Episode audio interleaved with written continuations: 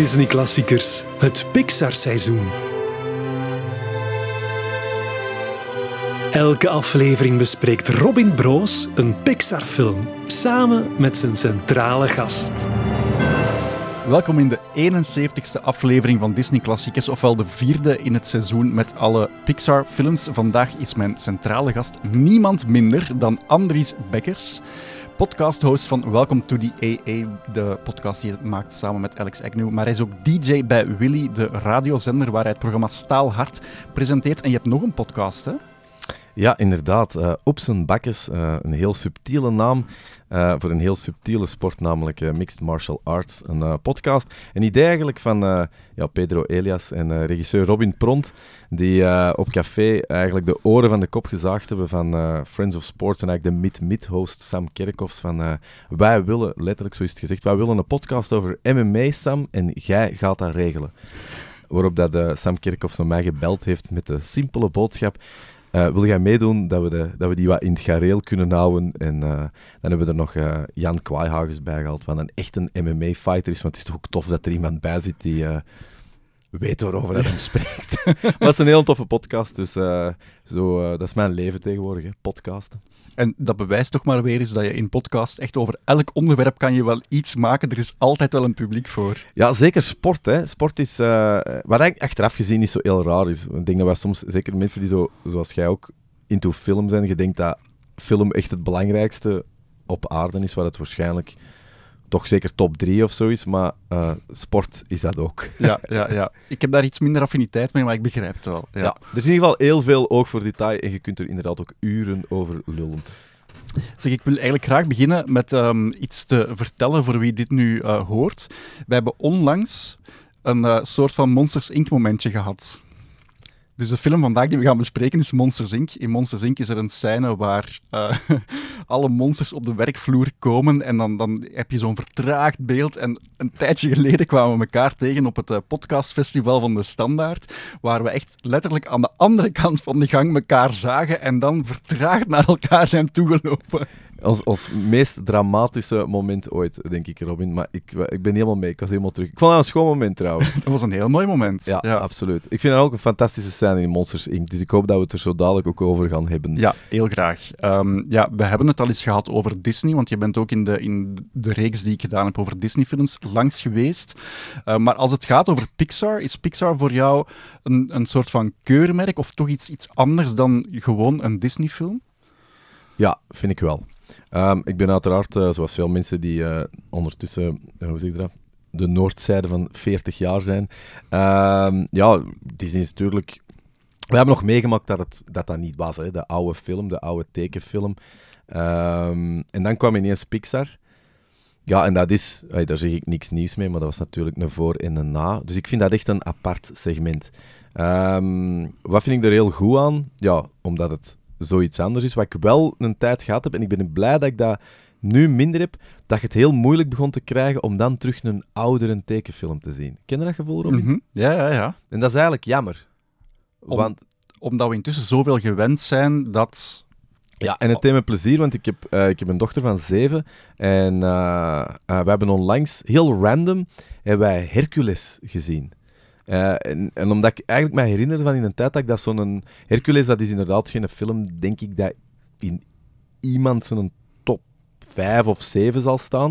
Uh, maar dat is wel, dat geeft, ik vind dat wel een typische film die aangeeft hoe hoog dat, dat niveau van Disney-films is. Want als je Hercules ziet, ja, dat is nog altijd een uitstekende Disney-film waar je fantastische stemmen in hebt. Hè. Zo James Woods en, en, en, en, uh, en, en wie nog eigenlijk. Maar in ieder geval, ah, Danny DeVito. Ja, uh, ja, Danny DeVito. Maar dat is wel een hele goede film. En dat was wel tof, want ik kon er wel terug van genieten. En zij ook. Dus ik vond het wel leuk dat, dat de nieuwe generatie, dat dat niet alleen maar state-of-the-art Pixar moet zijn. Ja, en zelfs in die korte periode, want Hercules is denk ik ergens eind jaren 90. 97, dacht ik, ja. Terwijl de eerste Toy Story is 95, de film die we vandaag bespreken, Monsters Inc., is 2001. Op die zes jaar is er ontzettend veel veranderd. Zelfs alleen nog maar in dat nieuwe segment van die, van die digitale animatie. Ja, en ik denk dat dat ook de reden is, uh, want dat was ook wat je me gevraagd hebt, van hey, wilde meedoen, wat is uw lievelingsfilm? Uh, ja, dat is Monsters Inc., ik denk dat dat al wel duidelijk was. Dat had verschillende redenen. Uh, eh, sowieso het, het verhaal waar we het ongetwijfeld over gaan hebben, maar ik weet ook zo 2000, 2001, dat was zo, ik was dan 22 jaar.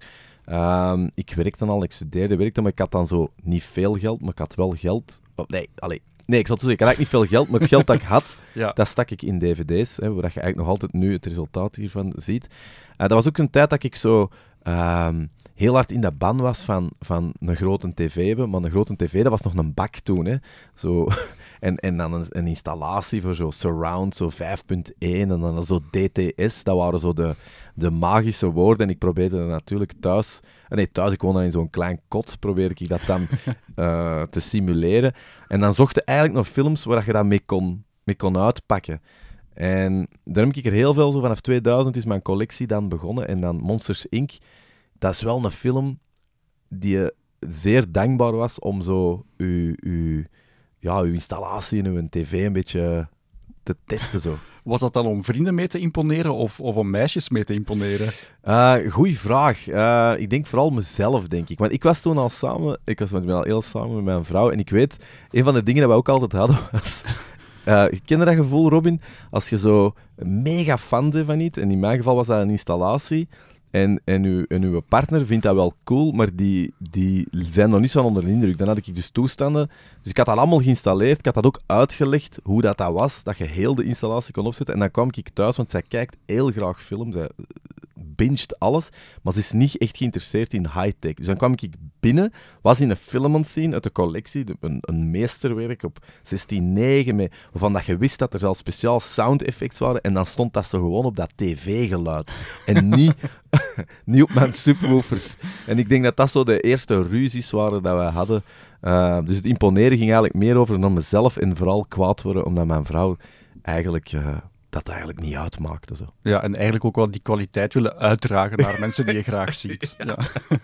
ja, dat is mooi, dat siert jou. Um, Goeie sarcasme, Robin, daar hou ik van. uh, ik ga nog iets opbiechten. Um, dus dus uh, dit is de eerste Pixar-film die niet geregisseerd is door John Lasseter, de, de, het creatieve brein eigenlijk op dat moment achter, uh, achter die Pixar-studio. Maar was natuurlijk wel betrokken bij, bij heel die productie. Hè, want het, het, idee zou zelfs al ontstaan zijn in 1994, dus een jaar voor Toy Story, toen ze een keer met, uh, met John Lasseter, Pete Docter, de regisseur, dan Andrew Stanton, die later Finding Nemo maakt, en uh, Joe Ranft, die zaten samen op café en daar is dit idee voor Monsters Inc. ontstaan. Nu kan het even hebben over John Lasseter. Dat uh, is denk ik nog altijd, ik weet het eigenlijk niet, want sinds Me Too is hij out of the picture. Maar dat is een nogal gezellige, gezapige man die altijd Aloha Hawaii shirts draagt. En sinds deze film liet hij er telkens eentje maken die gebaseerd was op de film zelf, zodat hij naar de première kon gaan in een Hawaii hemd in het thema van de film. Wauw. En ik ben er in, deze, in het geval van deze film in geslaagd van ook zo'n Hawaii hemd uh, te kopen. En waar heb je dat gevonden? Uh, via mensen die werken voor de Pixar Studios. Dus achteraf werden die dan in de Studio Store verkocht ook. Dus John Lasseter moest de première of moest de primeur hebben en vanaf daarna konden werknemers ook zo'n hemd kopen. Ja, ik zou het ook gekocht hebben, denk ik. Ik heb het aan. Wil het uitdoen? dus... mag, mag je er straks een foto van nemen? Jij mag daar straks een foto van nemen. Ah! Sorry, ja, ik zie dit nu echt voor de eerste keer in mijn leven. Ja. Eigenlijk, eerlijk, ik bedoel, toen zal dat waarschijnlijk verschrikkelijk geweest zijn, maar in 2022, waar alles toch een, een soort hipheid heeft, ja, daar raakt er wel mee weg, hè, nu. Ja, het zijn eigenlijk vooral zo de gekleurde deuren uit de openingsscène van Monsters Inc., want dat is een heel grafisch ja, ding eigenlijk. Hè. Heel schoon, hè. Ja, het is ook de, de eerste en, en de enige uh, Disney- of Pixar-film waar de logo's zo kort zijn voor de start van de film, gewoon omdat die intro zo relevant is, dat men dacht, we moeten direct naar die deuren gaan, de deurenscène. Ja. Wel cool, wist ik niet, maar het geeft weer aan. Trouwens, ik kan nog even zeggen over die lunch. Um, als ik me niet vergis, op die bewuste lunch in 94, daar hebben ze ook de ideeën, denk ik, voor drie andere films gehad. Het was niet, uh, ik denk Finding Nemo, Wally en nog een. En dan was ik wel aan het denken, dat is wel wat ze noemen een productieve lunch of zo. Ja. Heb jij ooit al zo'n lunches gehad? Nee. Nee. Wel al gezellige lunches, maar ja. uh, zo productief niet. Niet nee. waar drie of vier monster-ideeën zijn uitgekomen. Ongelooflijk, hè? Ja. Maar ik denk dat dat ook wel een beetje de, uh, de kracht van die boat is om te zeggen Um, hoe, hoe straf dat die allemaal zijn. Want bijvoorbeeld die Pete, Doct uh, die Doctor zeker, mm -hmm. de regisseur, had ik eigenlijk nooit bij stilgestaan. Want Monsters Inc. is zeker van die era van Pixar-films. Is dat de eerste generatie, mogen we dat zeggen? Mm -hmm. Ja, zeker. Um, is dat mijn lievelingsfilm of zo? Maar die, als je ziet wat hij eigenlijk gedaan heeft, ja, dan vind ik dat niet raar dat eh, moest ik drie andere keuzes genomen hebben. En dat wist ik echt eerlijk niet. Dat heb ik echt gisteren even opgezocht. Dan, zaten, dan zijn er eigenlijk drie van mijn lievelingsfilms van de nieuwere generatie. Namelijk uh, Up, Inside Out en Soul. En ik kon u dan niet, niet de grote eh, analyse maken, maar ik snap het wel of zo. Dat zijn wel vier films met een hart. Ja, en die, zeker die laatste twee dan ook op een of andere manier wel met elkaar verbonden zijn. Ja. Ehm, ja. Want mijn vrouw bijvoorbeeld, die, is die, vond, die vindt Inside Out een van de beste films ooit gemaakt. Ik vond dat heel goed, maar ik was niet mee zoals zij dat. Zij vond dat echt een van de schoonste dingen ooit. Maar bijvoorbeeld Up, Robin, de reden dat ik Up niet gepakt heb, was gewoon omdat ik niet nog eens die openingsscène wilde zien. Ik vind dat hartverscheurend. Uh, en, maar Soul is ook fantastisch. Hè? Dus dat is wel een straffe gast, die Piet uh, Doctor. Ik heb ooit een, eh, een, masterclass kunnen bijwonen van Piet Doctor in L.A. dat is zo goed aan u, hè. Dat is zo goed aan u. Daarom dat je zo'n fijne mens bent. Zo. Jij nodigt iemand uit, dan geef je zo een heel platform om zo goede dingen te zeggen. En dan zeg je, ja, cool, hè. Ja, Piet Dokter, ik heb er ooit een masterclass mee. dat is zo, ja, wat moet ik hier dan zeggen? maar nee, ik wou je gewoon een fijn weetje vertellen over, uh, over Up. Um, dus die, die bewuste scène die je niet meer opnieuw wil bekijken, dat is eigenlijk een woordeloze scène. Dat is vier, vijf minuten, uh, waar dan muziek onder zit. Dat heet Married Life, waar we eigenlijk fietsen door het leven van die Carl en Ellie. En daar zitten een paar seconden in die de bazen bij Disney er eigenlijk wilden uitknippen. En dat is het momentje waar ze bij, ja, eigenlijk bij de dokter zitten. En, en zij zit met haar handen begraven, allee, haar gezicht begraven in haar handen. Um, hij is daar wat aan het troosten op haar schouders. En je ziet op de achtergrond een poster van een zwangere vrouw. Dus eigenlijk wordt het daarmee met die paar seconden geïnsinueerd: die mensen kunnen geen kinderen krijgen. En bij Disney vonden ze dat te zielig. Dus die zeiden: dat moet eruit. Dat, we gaan echt niet een film starten met, met, met zoiets. Uh, moet weg. En Pete Doctor is voet bij stuk blijven houden, want hij vond door die vier seconden weg te nemen, ga je nooit sympathie krijgen voor die oudere man dan, die toch eigenlijk wel uh, een beetje een oude brompot is. Dus het feit dat, dat je niet mee hebt waarom, wat het drama is uit het leven van die twee mensen, ja, dat moet er gewoon in blijven zitten. En het zit erin. Ja, ja straf eigenlijk dat je er... Als je achteraf je dat straf dat daar ooit een discussie over geweest is ja, tegelijk denk ik, ja, misschien... Ik, ik snap ook wel als, als bedrijf dat je denkt, goh, alles wat uh, misschien de sfeer weghaalt in de eerste vijf minuten, waarom niet? Maar net daarom is die scène zo straf, want die gaat met, met hoge ups, maar ook heel diepe downs. Ja, ik vind dat een fantastische film, maar ik weet wel dat dat... En daar was ik niet alleen mee... Uh, ik, ik, herinner mij zo zelfs uh, zo een van mijn favoriete bands, een van de hardste bands op de planeet, zo Hatebreed, heeft voor de rest niks mee te maken. Dat is echt pompende. Dat is uh, ja, al echt al van het ruigste dat je kunt doen. En ik weet dat die zanger dat ooit ook echt in een post geschreven had. Zo van, dit is het allerergste dat je kunt doen. De tranen rolden over mijn ogen uh, toen ik het zag. Wat natuurlijk grappig is dat ze uit de mond komt van iemand die ja, uh, weinig subtiele muziek maakt. Maar ik, het is wel een scène die iedereen kent. Hè. Ook die, dat gezicht van, van de hoofdpersonages. Um, ja, zeer straf. Zeer straf. Maar ik heb toch voor Monsters Inc. gekozen. Ja, misschien moet ik voor wie de film nooit gezien heeft, er zijn er altijd een paar, even kort samenvatten waar de film over gaat. Uh, Monsters Inc. is eigenlijk een energiebedrijf in de monsterwereld, dus een wereld die parallel loopt van onze eigenlijke mensenwereld. En om energie te kunnen opwekken, sturen ze de meest griezelige figuren naar kinderkamers, die dan via een systeem van deuren komen ze daar terecht in die mensenwereld. En het geroep van bange kinderen, dat is namelijk hetgene wat energie uh, opwekt en dus alles om in de monsterwereld, eh, om die draaiende te houden. Enige moeilijkheid, monsters die mogen niet fysiek in aanraking komen met die kinderen, want kinderen zouden giftig zijn. Er is zelfs een speciale eenheid, de Child Detection Agency, die er streng op uh, toeziet dat uh, de deuren altijd gesloten worden. Uh, nu, de beste medewerker van dat bedrijf, dat is Sully. En die doet zijn werk aan de hand van... Allee, die, die, die krijgt hulp van zijn beste vriend Mike. Mike en Sully is zo het, het duo, de protagonisten van de film. En die ontdekken op een bepaald moment dat die kinderen eigenlijk helemaal niet giftig zijn. En ze ontdekken dat omdat ze per ongeluk een kind mee terugnemen naar hun wereld. Het kindje heet Boo, of ze noemen haar alleszins Boo. Um, en het, het, is eigenlijk vanaf dan dat je begint te merken van er zijn, er zijn een aantal malafide figuren in die monsterwereld die uh, ja, er eigenlijk alleen maar baat bij hebben van de, ja, die, dat misverstand in stand te houden. Waaronder ene Randall, die eh, probeert om kinderen te ontvoeren omdat, omdat hij zijn punten beter wil, eh, wil krijgen en, en omdat hij eh, liever ook werknemer van de maand zou worden in plaats van die Sully. En uiteindelijk vertellen ze hun verhaal aan Waternose, de CEO van het bedrijf. Die blijkt ook in het complot te zitten waarop Mike en Sully verbannen worden naar de mensenwereld om toch maar te voorkomen dat ze het grote plan zouden onthullen. Ik ga hier stoppen. Wie hem niet gezien heeft, ja, anders vertel ik gewoon alles. Het is, eh, het is een bijzonder, bijzonder mooie film. Ehm, maar niet in het minst, ja, het is ook gewoon een heel erg grappige film. Ehm, sowieso, daar zit volgens mij geen één scène in die niet werkt. Denk ik. Ehm, alles heeft zijn plek. Wat ik er heel tof aan vond, en dat is ook, niet, dat is ook iets dat ze zelf zeggen, eh, en dat ik me zeker in die tijd toen heel fijn vond.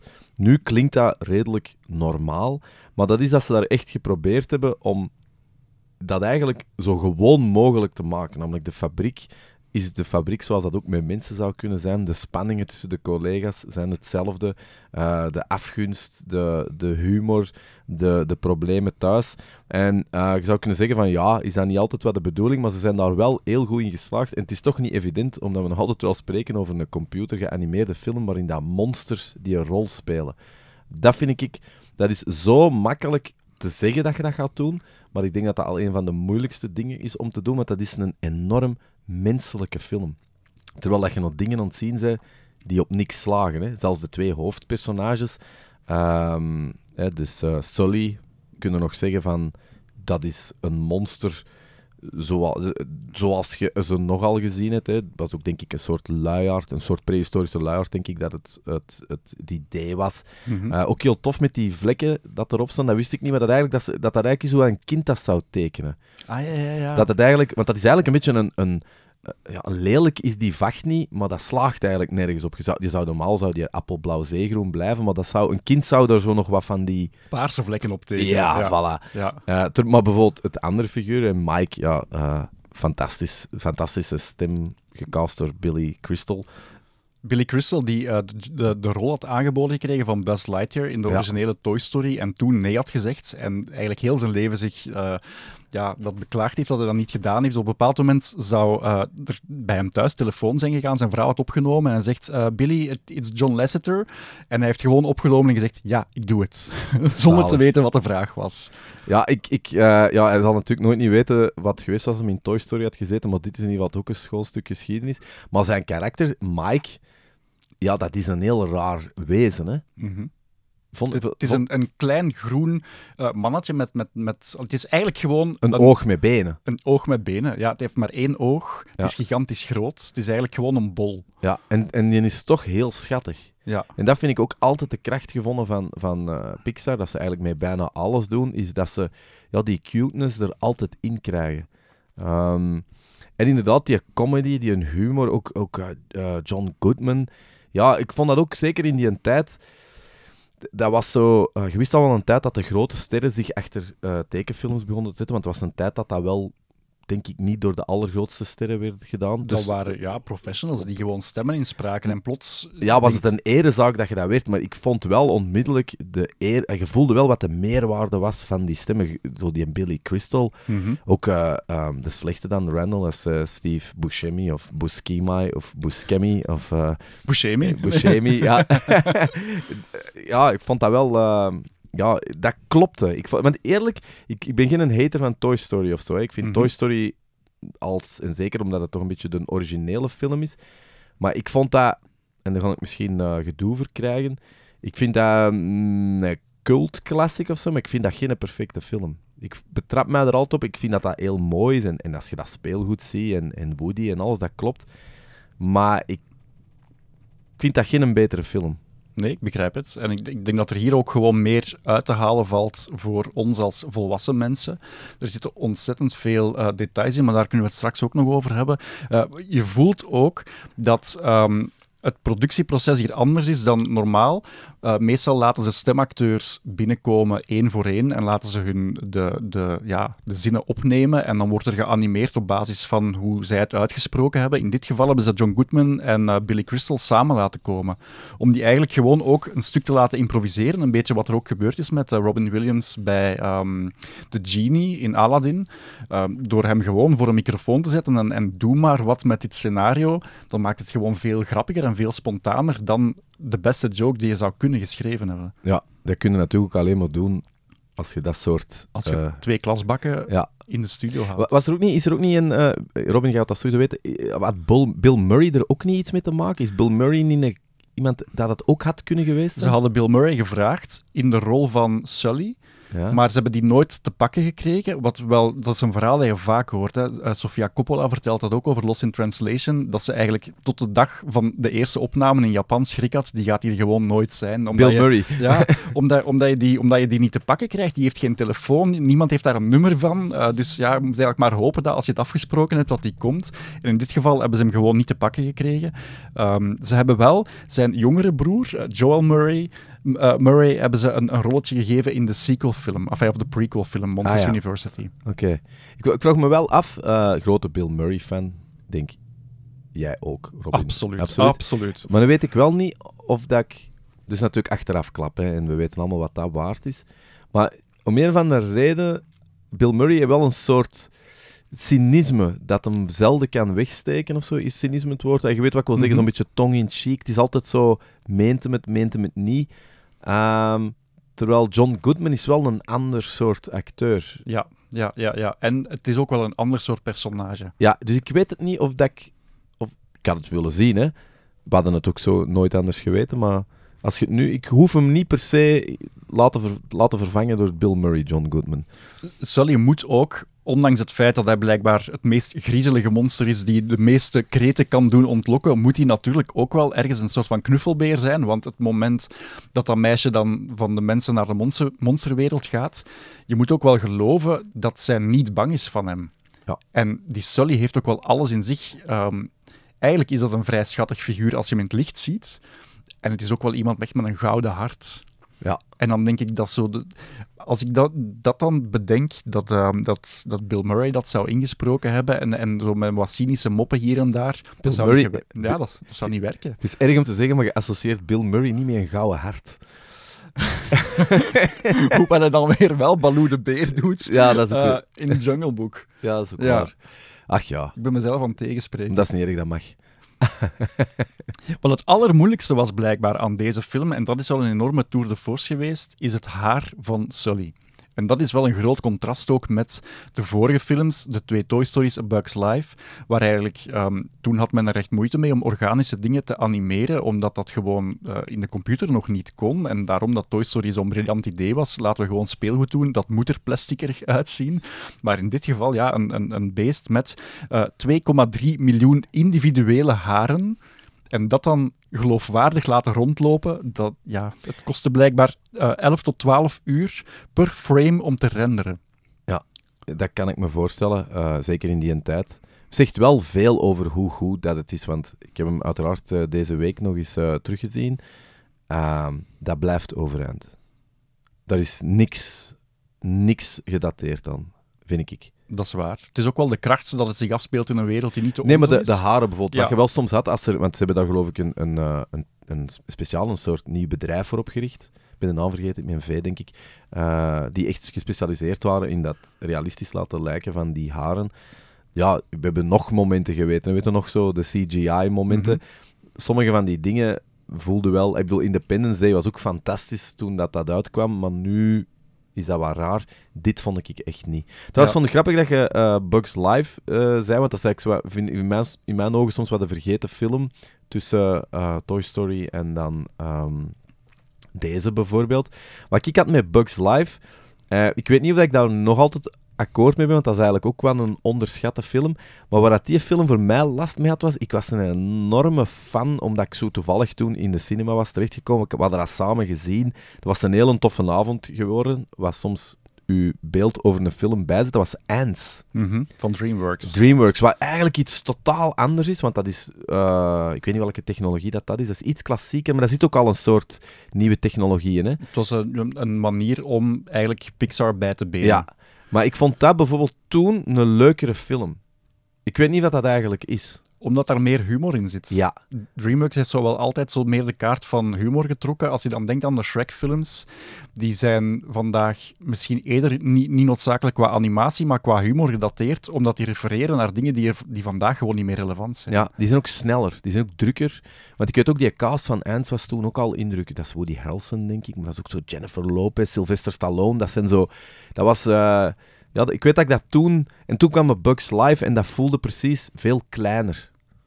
En dat, dat is ja, eigenlijk een drama voor Pixar geweest, want die hadden natuurlijk na Toy Story groots aangekondigd, dit wordt ons volgende project. Bij de concurrentie denken ze, haha, we gaan, we gaan hen gewoon langs links en rechts inhalen, want wij hebben ook technologie en we gaan gewoon een film maken over hetzelfde onderwerp. Ja, dat is raar, hè? Dat, dat, is zo'n, dat, dat je soms zo van die films hebt die zo hetzelfde zijn en ene verliest. Terwijl die eigenlijk ook niet echt hetzelfde zijn, want het is niet een één op één, maar zo... Dat is precies alsof dat mensen zo... Je gaat, dat dat zo'n soort onnatuurlijk ding is. Je gaat naar de ene kijken en niet naar de andere. Je hebt dat ook een tijd gehad. Iets totaal anders. Een fantastisch film, The Prestige. Mhm. Hè, wat, een, wat een meesterwerk is, zo'n vroege Christopher Nolan film. Maar je had ook The Illusionist. En ik denk dat dat met Edward Norton is. En dat is eigenlijk, dat gaat alle twee over goochelaars. Fantastische film ook, maar dat kan niet winnen van The Prestige. Gewoon omdat dat wat in dezelfde... Dat is zo for fans of. En dan is dat toch zo de B-ploeg. Ja, ja, ja. Maar Bugs Life voelt mij ook altijd zo... Het is wat, wat je daar juist zei over Hercules. Er is niemand die gaat zeggen, Bugs Life is mijn favoriete Pixar-film. Maar als, als we dat nu opzetten, dan kijken wij die uit. Sowieso. Maar ja, wij zijn dan ook wel nerds. Zwaar. Maar met Hercules bijvoorbeeld ook had Ja. ik dat wel. Zo, dat is Ja. wel echt goed. Ja, dat is, Dat is gewoon de weelde van dat universum. Hè. Mhm. Ja, ja, zeker, zeker. Ehm, en wat er ook wel mooi is, als we nu toch de films aan het vergelijken zijn, ehm, je hebt dan de twee Toy Stories, A Bug's Life en dan deze Monsters Inc. Wat die vier films verbindt, is de muziek. Het is vier keer Randy Newman, wat eigenlijk een, een, een vrij bouwde keuze was van Pixar, want dat was zeker niet Hollywood's favorite. En ook gewoon voor onze generatie ook niet... Ja, die, die- dat was ook iemand dat niet op uw lippen hing of zo. Ik bedoel, ik, ik, eerlijk, ik, ik, ik, ik ben eigenlijk fan geworden via mijn vader, omdat ik denk dat hem toen ook in de Elisabethzaal of zo... Die heeft in ieder geval... Die komt veel in de Koningin Elisabethzaal. Hij heeft vrienden in Antwerpen, dat verklaart. Ah, ja, die komt echt te veel in de Koningin Elisabeth. Ah, ja, je kunt zeggen, je kunt eigenlijk niet genoeg in de Koningin Elisabethzaal komen. Het is een fantastische zaal, maar... Ik, ben blij dat je dat zegt, want ik dacht... Die, ja, ik ja, ja. kom hier wel echt graag. Eh, maar ja, inderdaad, een beetje een oudere figuur eigenlijk. Wat een gewaagde keuze. Ik voel wel dat, dat die eigenzinnigheid of zo... voelde wel heel hard in die blad, Pixar. Ja, ja, ja, absoluut. Omgooien van het roer. Zo Ja. andere dingen. Niet de typische Disney-soundtracks dat we gewoon waren. Als Disney zegt dat moet een musical zijn, dan zeggen zij nee, we vragen Randy Newman. Ja. En, En ze die- hebben, en vooral altijd achteraf gelijk krijgen. Ja, ja, ja, ja. Wat, wat, wat deze film ook zo mooi maakt, hij heeft, eh, Randy Newman heeft daar dan een nummer voor geschreven, If I Didn't Have You, wat hij zelf zingt in de film, maar wat ook gezongen wordt door Mike en Sully als personages. Daar krijgt hij dan een Oscar voor, terwijl dat dan zeker niet zijn beste nummer is, maar waarschijnlijk is dat zo'n beetje Academy-gewijs zo het goedmakertje van, we hebben het u niet gegeven voor You've Got a Friend in Me, we hebben Ja. het u niet gegeven voor, ik ben nu even de titel kwijt, maar in Bugs Life had hij ook een nummer geschreven. En natuurlijk in Toy Story 2, dat hele mooie liedje... ehm, de, de scène waar, waar, waar Jessie eigenlijk vertelt dat ze wordt achtergelaten door, ehm, eh, door haar, door haar ja, mens. Nu ben ik even de titel kwijt. Eh, When She Loved Me, wat eigenlijk een prachtige ballad is. Daar heeft hij ook geen Oscar voor gekregen, dan krijgt hij het voor dit. Ja, we dat, ja, inderdaad, de, het goed maken dingen. Want ik geloof dat hij hem één keer verloren heeft, ook van Shrek, denk ik. Hè? Ik geloof één Oscar heeft hem verloren van... eh, ja, de, van Oscar voor beste animatiefilm. van ja. ja. Ja, wat ook natuurlijk... ja, want dat is, ik, weet- dat is... Klopt, hè, want ik denk dat er is één ding dat Monsters Inc. niet had, dat is dat. Dat is die zeker, hè. Natuurlijk, Shrek, ja... ehm, dat gaat ook niet over wat is beter of niet, niet. Dat gaat dan niet over, maar dat was wel commercieel een gigantische hit, hè. En dat was anders. Dat was gewoon En dat is een goede film. Ja. Eerlijk is eerlijk. Ja. Dat is nog altijd... Ja. Eh, Maar ook daar, nu ik erover nadenk, eh, die DreamWorks, als ze dan Ants maken omdat ze weten dat er eh, de andere studio met, eh, met Bugs Life bezig is, als je op een bepaald moment horen, die zijn een film aan het maken over een groen monster, namelijk Mike Wazowski tegenover Shrek. Allee, ik weet het niet, hè. Ja, terwijl dat, terwijl dat daar het verschil wel veel groter is. Ja, dat is waar. ja maar ik, ja, dat is, ja, het is wel goed, goed opgemerkt. Ja. Het is niet dat ze, dat ze al concept art gedeeld hadden of zo, maar het zou wel gecirculeerd hebben in Hollywood-kringen. Die studio is bezig met monsters. Ja, maar dat, dat hoorde wel vaak. Hè. Dat is in tv is ook vaak. de- Geheimen, ik denk dat het al van het moeilijkste is om te houden in de entertainmentwereld. Ondanks het feit dat Pixar dan eh eh, ettelijke mijlen verder weg ligt van Hollywood, want die zitten in, eh, in San Francisco, maar dan nog, hè. Ja, natuurlijk. Dat was zo'n heel raar... ik heb zo'n boek ooit gekregen van mijn zus, zo, de Pixar-wereld. En dan er staat ook zo... Emeryville, denk ik, dat dat... Ja, daar zitten ze nu. Ja. Ja. En dan, ehm, ja, dan zag je zo foto's van, van de werkvloer dan of zo. En ja, ik denk nog altijd dat een slechte dag op het werk een slechte dag is. Hè. Maar ik kan dan ook lachen hoe dat dan eigenlijk die hun refter en die hun, hun renderkamer, dat er dan toch zo'n soort artwork aan hangt. Eh, ik weet het niet. Misschien dat je er echt lang werkt, dat, dat, dat je dat op den duur ook niet meer ziet. Hè. Het zou kunnen. Nu, ik, heb de, ik heb het geluk gehad van die studio al twee keer, te kunnen- Er is hem weer. twee keer bezocht te hebben. En ja, ik wou mij daar toch wel als een kind in een snoepwinkel. Ja? Ja. Hoe is dat dan als je binnen... Is dat groot? dat is gigantisch. Ja, het zijn Je spreekt nu over Emeryville? Het Emeryville. ja. huidige Pixar Ja, headquarters. dus eh, toen deze film gemaakt werd, denk ik dat ze nog in Richmond zaten of net aan het verhuizen waren met dan de opbrengsten van de eerste films. Ehm, en er zitten trouwens ook knipogen in, eh, in deze film naar hun eh, originele plek. Namelijk, ehm, er is op een bepaald moment een café dat heet de Hidden City Café, waar ze voorbij lopen als ze naar hun werk gaan. Dat was ook echt de plek in Richmond waar dat zij ehm, hun vergaderingen deden, smiddags, of waar ze gingen lunchen. Dat is waarschijnlijk de bewuste plek waar Monsters Inc. bedacht is. Dat is zo goed, hè. Ja. Dat vind ik altijd wel heel leuk, zo die... die, die dat, want eigenlijk maakt dat niet uit hè, van een kijker of dat dat nu een andere naam heeft, maar je ziet die dan waarschijnlijk zo... zo eh. Ja, want er staan nog wat verwijzingen in, hè. Het, eh, Ik, ik heb ze allemaal opgelijst en het zijn er gewoon te veel. het zijn er Eh, veel, ja, de, de be- beroemde is inderdaad ook het, eh, het restaurant waar ze zitten, hè, de, de Harryhausen. de Harryhausen, hè, de man van eh, Clash of the Titans. eh, ja. ja, ik vind dat tof. Hè. Dat, dat, dat fanservicing ding ook, eh, het, het- de easter eggs dat ze vroeger zo zijn, maar dat- ik vind dat wel heel leuk. Het, scorebord waar eh, op staat dan hè, wie van de Monsters Inc. fabriek het beste, het, beste doet. Alle namen die daarbij staan, behalve natuurlijk eh, Sully en Randall, zijn allemaal namen van mensen die voor Pixar werken. Dus op zich, ja, dat is dan een fijne verwijzing. Ik denk, als je, als je het maakt tot een scorebord in een film, dat je toch wel goed bezig bent. Ik denk ook wel als je je 34ste dag in overuren bezig bent of zo, dat dat en je krijgt dat misschien niet allemaal uitbetaald, dat dat wel een soort... Ja, ja, ja. Ah, ja. Oké, dat dan toch. Of zo, niet? De troostprijs. of zo. Extra Ja, legale voordeel. Het, het schouderklopje van, we zijn wel blij dat je het gedaan ja, hebt. zo. het was dat of maaltijdchecks. Dat- Ja, maar ze hebben daar ook wel een geweldige cafetaria, moet ik er wel bij dat zeggen. geloof ik. Ja. Ja. Ehm, Had je toen ook zo, eh, kreeg je dan ook, want eh, in die boek dat ik heb staat er ook bij, als je dan een bezoeker zit, dat je dan zo ook een, een badge krijgt in de stijl van. Was dat ook? ja, zo'n sticker. Ehm, dus met het Pixar-logo en de I is dan zo de alien. En we have a visitor from, from the other world of zoiets. Allee, zo, zoiets staat erop. Alles dat je kunt bijhouden. Niks wilde weggooien. Ja, ik heb dat nog allemaal. Ja, absoluut. Cool. Ah, Ja. tof. Heb je dat voor de krant moeten doen, of was dat gewoon als Eén keer, voor, toerist? één keer voor de krant, één keer als... Ja, dus je geraakt er eigenlijk niet binnen. Uh, tenzij je uitgenodigd wordt, bijvoorbeeld als journalist. En die keer ehm, ben ik ook niet in de eigenlijke animatiesector. Eh, allee, het eigenlijke stuk waar de animatoren zitten, daar mochten we toen niet binnen. Omdat ze schrik hebben natuurlijk dat journalisten daar dan, wie weet, iets aan de muur zien hangen van een volgende film dat nog niet bekend mag zijn.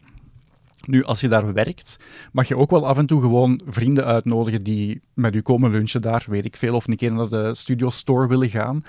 En ik heb via via iemand leren kennen die daar werkt, die mij daar uitgenodigd heeft en echt elke hoek heeft laten zien. En dat is nog altijd een vriend, Robin. Eh, ja, of ik kan die nog altijd contacteren. oh, nu, oh, fuck, nu verwacht ik zo ineens zo heel veel mails van, oh, kunt je dat regelen voor mij? Ja, ja, zo. nee, nee, nee. Nee, wel cool. Ja, ik, ik, ik heb het alleen nog maar op foto gezien, maar ik moest er ook wel... eh, Want blijkbaar is het ook zo, er stond erin, dat ze echt een beetje dat hebben opgesteld als een, als een eh, hersen, zo de rechterhelft en de linkerhelft. Maar dat ze wel wilden dat ehm, zowel de technische staf als de artistieke dan, dat die wel een soort... Dat die gemakkelijk met elkaar kunnen... Ja. Dus eigenlijk de, de computerfreak, die eigenlijk geen is, eh, artistieke beslissingen neemt, dat die ook wel niet mijlen ver weg zit van... Nee, klopt. Het zijn Ja. twee gigantische gebouwen.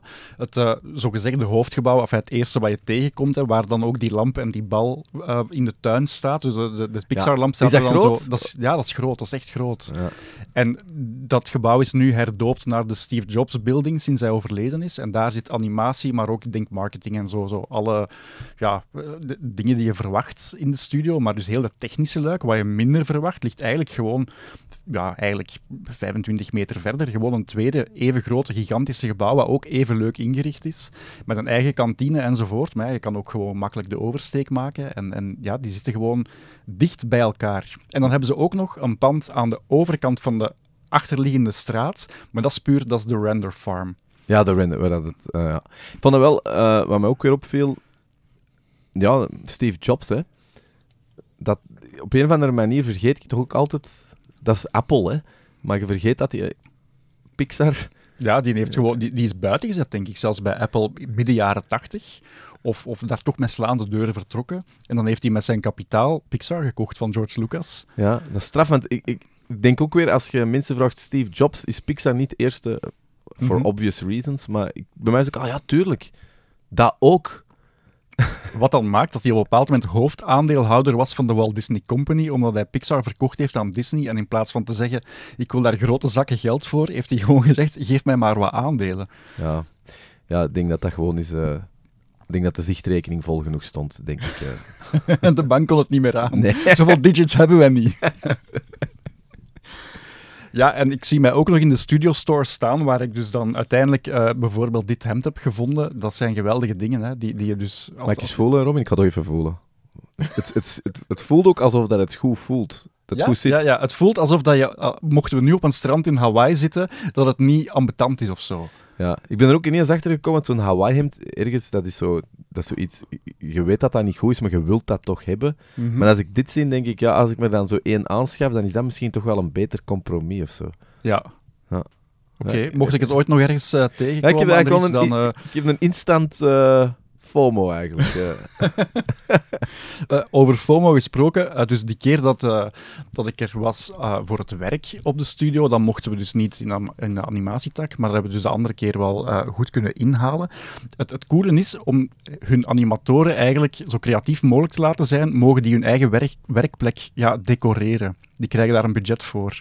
En dus de ene heeft daar een iglo van gemaakt, de andere heeft daar een tiki bar van gemaakt. Om de zoveel meter staat daar ook echt een bar. En vrijdag namiddag is het happy hour. En dan zijn er gewoon een paar cocktail-enthusiasts die daar eh, aan het shaken gaan. Belgische bedrijven. Take Kijk en notice. leer. Kijk en leer. ah, cool. Ja.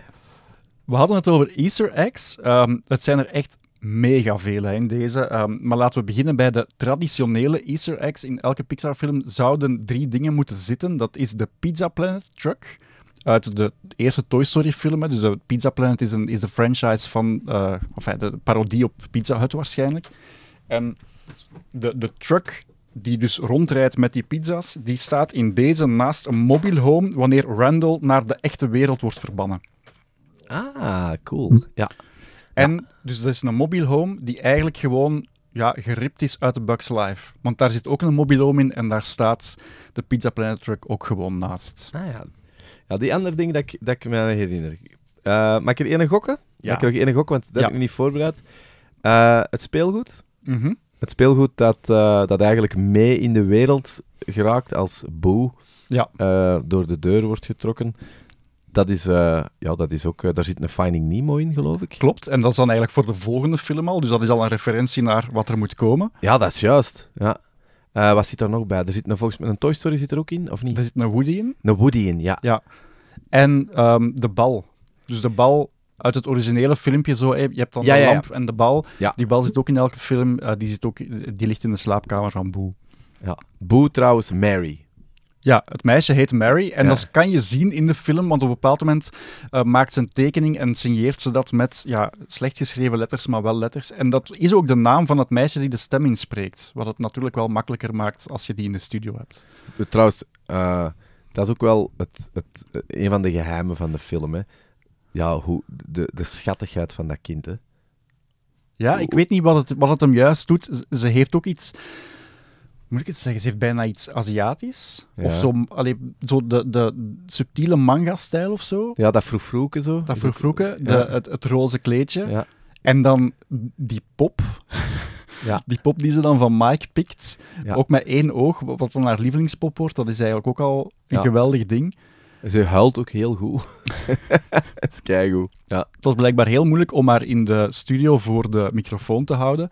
Eh, en eh, ja, Piet Dokter had er dan niet beter op gevonden van eigenlijk haar gewoon te laten spelen en de hele tijd de mobiele microfoon eigenlijk gewoon mee te nemen en dat dan op te nemen. Zalig. En Ja. hij moet ook een handpop gemaakt hebben van een kous om haar aan het lachen te krijgen, want dat bleek ook niet zo makkelijk te zijn. Ja, wat, wat doe je als je een, weet ik veel, vier- of vijfjarige wilt laten lachen? Je kan moeilijk moppen beginnen vertellen. Dat is een feit, ja. Het schijnt ook hè, niet gemakkelijk te zijn. Wat is het allemaal? Zo, wat is het, dieren, eh, poten. Er zijn zo van die regels van eh, moeilijke, moeilijke dingen op een filmset. eh. Het allermoeilijkste... eh, nee, sorry, nee, eh, nee. Ik wou een brugje maken en het is geen brugje. Nee, eh, wat, er, wat het niet gehaald heeft in deze film van Easter egg, is de A113. A113 was het klaslokaal waar heel veel eh, Pixar-medewerkers, maar ook bijvoorbeeld een Tim Burton, ooit les hebben gevolgd aan de animatieafdeling van ehm CalArts. En dus die A113 komt in elke Pixar-film voor. En in deze staat er alleen een A13 ergens op een muur in de fabriek. Dus Ah. misschien is dat een fout, misschien is het een bewuste fout. Dat, eh, ja, daar, daar bestaan heel veel theorieën over. En het coole aan Pixar is dat ze eigenlijk ook nooit in hun kaarten laten kijken wat dat betreft. Ze gaan daar nooit echt antwoord op geven. Ze zullen gewoon bevestigen, ja, er zijn easter eggs. Ik denk dat ze ook wel goed genoeg weten dat het werk door miljoenen mensen op de wereld zal, eh, zal gedaan worden. Ze wilden een verwijzing doen naar Godzilla. Op een bepaald moment, wanneer Mike en Sully naar het werk wandelen, ehm, staat er ook een ja, gigantisch monster eh, ja, te wachten voor een rood licht. Ja. En je ziet alleen dat beest zijn voeten. En eh, ze wilden eigenlijk eh, van de studio in Japan toestemming krijgen om het geluid van Godzilla daarop te plakken. En die studio heeft nee gezegd. Waardoor er nu een random ander geluid op staat. In de bloopers komen we want dit is ook wel weer zo'n geweldige Pixar-film met bloopers, komen we te weten dat de Rex uit Toy Story ook wel eh, graag die dino was geweest. Zo goed. Maar dat is, dat is, wat je nu geeft, dat voorbeeld, dat is wat dat is. Hè. Dat, altijd dat verder bouwen en nog dieper en dieper gaan. Dat is waarom dat die films ook zo geliefd zijn. Hè. Die enorm, dat oog voor de, de- detail. Dat is ook zo'n ode aan, aan fanservicing. Dat is absoluut waar. En, en ze, doen het wel heel slim hè, door het ook ehm, verder te laten gaan dan enkel Pixar of Disney. In dit geval, eh, heel die Monstropolis-wereld zou volgens de makers dan voor hun geïnspireerd zijn op hoe dat zij zich ehm, bepaalde zaken in Disneyland herinnerden. Ehm, in Disneyland eh, heeft elke attractie een eigen affiche. Een soort van attraction poster die daar ophangen als je het park binnengaat. En in, in Amerika heb je een, een onderdeel van dat park dat heet Tomorrowland. Ehm, dus niet te verwarren met Nee, nee, maar dat weet ik. Dat, Bo- dat- ja. ik, ik heb het wel even gedacht, want ik met terugzien. En, en ja, de, de stijl van die tekeningen, van die, van die posters in de jaren 60, 70, 80, dat, dat, dat had zoiets retrofuturistisch en dat wilden ze heel erg in Monstropolis steken. Maar blijkbaar zitten er ook één op één van die posters in deze film, onder andere in slaapkamers. Dus als je in het decor gaat kijken, dan kan je daar, ik zeg maar iets, de affiche van Space Mountain zien. Ah, dat is wel cool. Nice. Zo goed. Ja, want ik, ik, ik weet, eh, wat ik al recent gezien heb, ehm, was de Space Jam eh 2 dan, hè, de, Mhm. het vervolg. En dat is, daar doen ze het eigenlijk op de verkeerde manier. Dat steekt ze vol met referenties, hè, want dat is dan het Warner Brothers universe, wat eerlijk is eerlijk ook best indrukwekkend is. Maar met dit nog eens terug te zien, omdat we nu over bezig zijn, dan voelde dat het daar eigenlijk niet klopt. Het ritme klopt daar niet. Dat is te veel soms. Ehm, dat, dat gaat, dat, dat soms, komt soms de scène niet ten goede. En ik denk dat het inderdaad, zoals je zegt, het moet subtiel zijn. Ja, je moet als, als fan van iets bepaald het toevallig opmerken en het moet niet zo in your face zijn. Nee, zo. het mag niet, Ja. wat je, het mag niet het, de magie van de film in de weg staan. Dat vond ik bijvoorbeeld het, het moeilijkste van de eerste nieuwe Jurassic World-reeks. Dat dat eigenlijk bijna de blueprint was van de originele eerste film, maar dan zogezegd twintig jaar later. En elk frame in die film ademt gewoon nostalgie uit naar die eerste film. En ik begon dat op een duur wat vervelend te vinden. Maar dat is, eh, dat is ook heiligschennis om dat, om dat te zeggen of zo. Maar ik, allee, ik kan ook altijd met veel plezier kijken, omdat ik uiteraard, zoals zoveel mensen ook, geweldig ben opgegroeid met dinosaurussen en zo. Maar ehm, ja, dat is niet foutloos, hè. Nee, nee, nee. Klopt. Maar dat wil niet zeggen dat dat geen fantastisch evenement is, altijd. Maar ja. het is toch een, ander, het is een andere categorie of zo. Terwijl de originele kun je inderdaad met dit niveau vergelijken, maar de, de tweede generatie films... Maar we zijn ook te veel gewoon vandaag. In 93, we zagen een T-Rex op het scherm en wij waren bang. En nu lopen er 317 dino's door één frame en we denken, ja, het zal allemaal wel. Ja, maar dat is, wat je nu zegt, is de essentie van waarom dat ik dat niet meer zo leuk vind. Wat ik altijd heel bizar gevonden heb, nu ga ik het ineens even toch over Jurassic Park, wel de kracht van Jurassic Park. Je zit met een realiteit die waanzinnig is. En toch moeten er dan uh, gemuteerde dingen gemaakt worden. Mhm. Terwijl, als je gewoon de, de, de biologie of de natuurkunde, we hebben hier ooit ook de Koen Stijn gehad of zo, als je die hoort praten, waarom moeten wij dan eigenlijk bezig zijn met dingen te gaan mengen en moeten... Dus uh, dat is inderdaad... Ik denk dat het ook soms een beetje luiheid is of zo. Mhm. Zo van, laten we ze muteren, dan hebben we een nieuw verhaallijn. Ja. Terwijl ik denk, pakt, eens een, pakt gewoon eens een ander dier. pakt gewoon eens een andere. ja. Uh, Ik vond zelfs in die tweede film, um, die dan uitmondt in dat uh, griezelige huis, en op een bepaald moment zit er dan zo'n dino op het terwijl er iemand in, in bed ligt.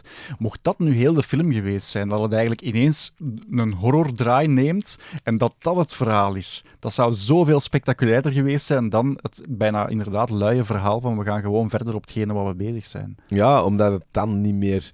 Het is altijd we... Dat, we, dat is toch zo'n trek dat de realiteit precies niet meer genoeg is. En dat is uh, dan, ja, maar goed. Het zal, ik ga er toch ook weer staan. Hè. Ik tuurlijk, ga, tuurlijk. Uh, ja, want over realiteit gesproken, er is de, de, in, de, in de laatste trailer van uh, Jurassic World wordt het dan toch wel weer heel duidelijk dat de dino's nu in, in onze wereld zitten Ja. en niet meer op een ver verlaten eiland. Het is in ieder geval uh, voor de mensen die het niet echt hebben met de stad Step. Dan uh, gaan het goede tijden zijn. Mag ik zeggen, hè? oh, prachtig. Um, er zitten in, in Inc. niet alleen, en daarom denk ik dat deze film echt wel voor Pixar uh, next level is, niet alleen uh, knipogen in naar andere zaken, maar ook gewoon het oog voor detail. Als in dingen die je alleen maar ziet als je de, als je de scène stopt. Bijvoorbeeld, uh, er is een scène waar Boo, terwijl ze woont bij Mike en Sully, aan het ontbijten is. En ze geven haar ontbijtgranen. En als je dan um, de film zou, de, de, frame zou stoppen, dan kan je de ingrediënten lezen van wat er in die cereals zitten. Dus iemand heeft op een bepaald moment over nagedacht, goh ja, als we dan toch zo'n doos ontwerpen, dan gaan we daar ook echt ingrediënten op zetten. En? Wat stond erbij? Oh, ik, ja, je bent het aan het opzoeken, zie ik. Ik ben aan het proberen. Ik weet niet of je het kan aflezen. Ik ben slecht bezig. Ja. Bijvoorbeeld, het eerste wat erop staat is um, ja, tentakels. Die ook, suiker, die ook suiker bevatten. Dat is wel keigoed. Ja, artificiële uh, uh, kleurstoffen en smaakstoffen. En dan staat er een hele race van uh, kleurcodes die zogezegd erin zouden zitten. Zeewater. Ah, ik ben, ik, wel funny, ik ben echt de echte hond opzoeken. Daar hebben we niks aan. Blijkbaar hebben ze dat ook echt uitgebracht. Dus uh, daar zitten wel dingen in dat ik al eens van gehoord heb. Ik hoop dit. Uh, Blood, Sweat, Tears zou dus ook in de opsomming staan. Ik hoop Zo dat dat niet in de echte serial Nee, zit. nee, nee. en uranium. Ja. Maar dat is blijkbaar om de versheid te garanderen.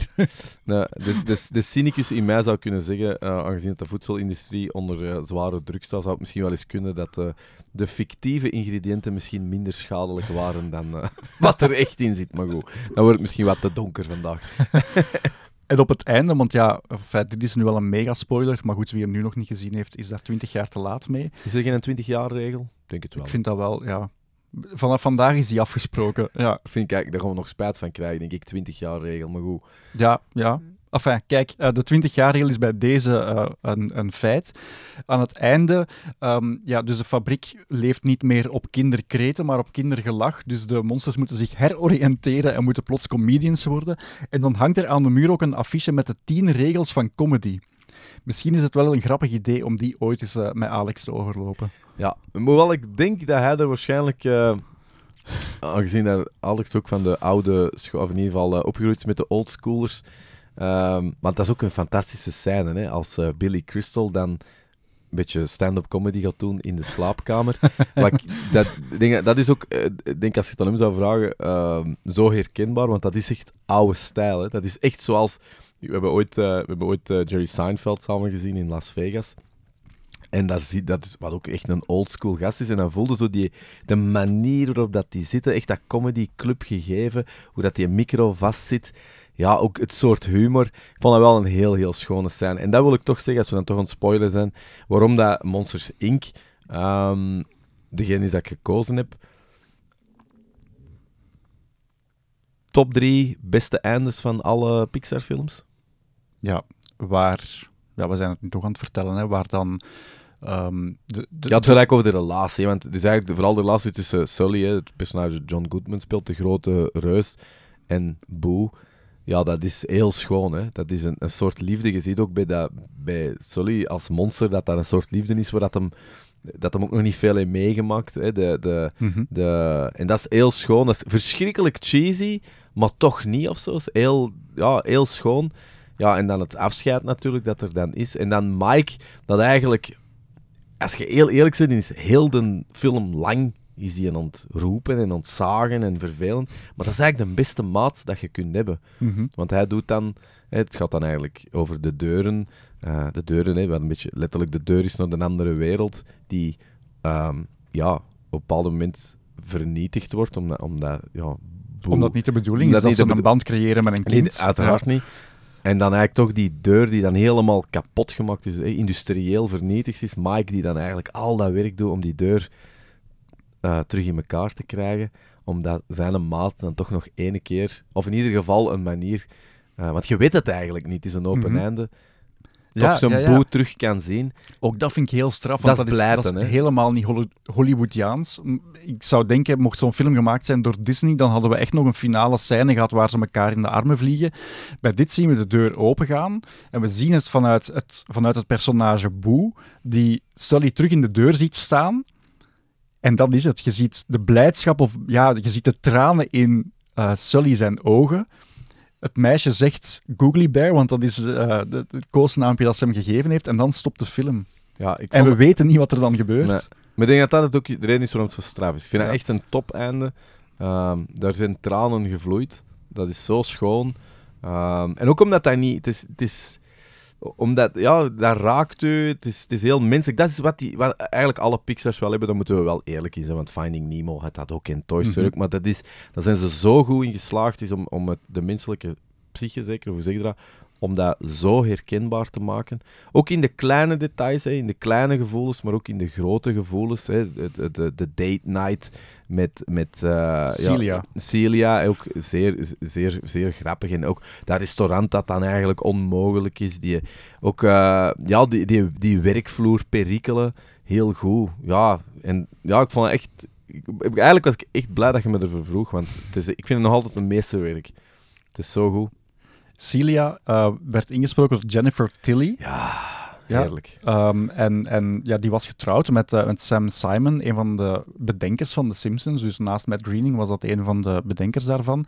En die had ooit, daardoor was hij in contact gekomen met Brad Bird, die toen op The Simpsons werkte. En Brad Bird had daar ooit verteld dat hij een script had geschreven over een soort van superheldenfilm. Over een familie van superhelden. En zij heeft tijdens haar opnamesessies bij Pixar gezegd: ja, maar die gast, Brad Bird, je moet die ontmoeten, want die heeft een geweldig scenario en jullie zouden dat kunnen maken. En drie jaar later is er The Incredibles. Oh. Ook heel goed, hè? Dus Brad Bird heeft dan de overstap Ja, ja. gemaakt van... Of hij heeft, intussen had hij ook al de Iron Giant gemaakt. maar heeft Iron dan, Giant. Je weet te veel aan het uh, een name droppen. Fantastische film ook, de Iron Giant. Ja. Maar wel cool hoe dat in elkaar zit. Jennifer Tilly moet ik gewoon altijd aan die stem denken. Ja, Dat is misschien het enige, als ik dan iets, iets, iets... eh, ehm, ja, slecht is, dat is niet het woord. Maar iets moet zeggen of zo. Jennifer Tilly mocht nog meer Jennifer Tilly zijn, denk ik. ja, ja. Want ze doet het wel, maar zo, het is niet Bride of Chucky, Jennifer Tilly. De, de, de, de, de geraspte stem mocht voor mij nog, nog meer zijn. Ja. Wat vond jij de beste stem eigenlijk? Wat vond jij het leukste karakter, of de beste acteerprestatie? Ehm, iemand die het nog niet vaak gedaan had in animatiefilm ehm, is zo het personage Fungus. Dus Ja. dat is eh, ja, de rechterhand van Randall, dus van eh, Steve Buscemi. Ja. En dat is Frank Oz. The Legend. Ja, en dat is eigenlijk een poppenspeler die we kennen van alle Jim Henson-producties. En dat dan zo iemand plots eh, zijn, ja, eigenlijk, die zijn acteerwerk bestaat voor 95% uit die pop en de rest is stem, Maar dat, je- dat je die nu in een rol duwt van 100% die stem te zijn en daar dan nog eens heel goed in te zijn, Ja. dat vind ik wel heel straf. Ja.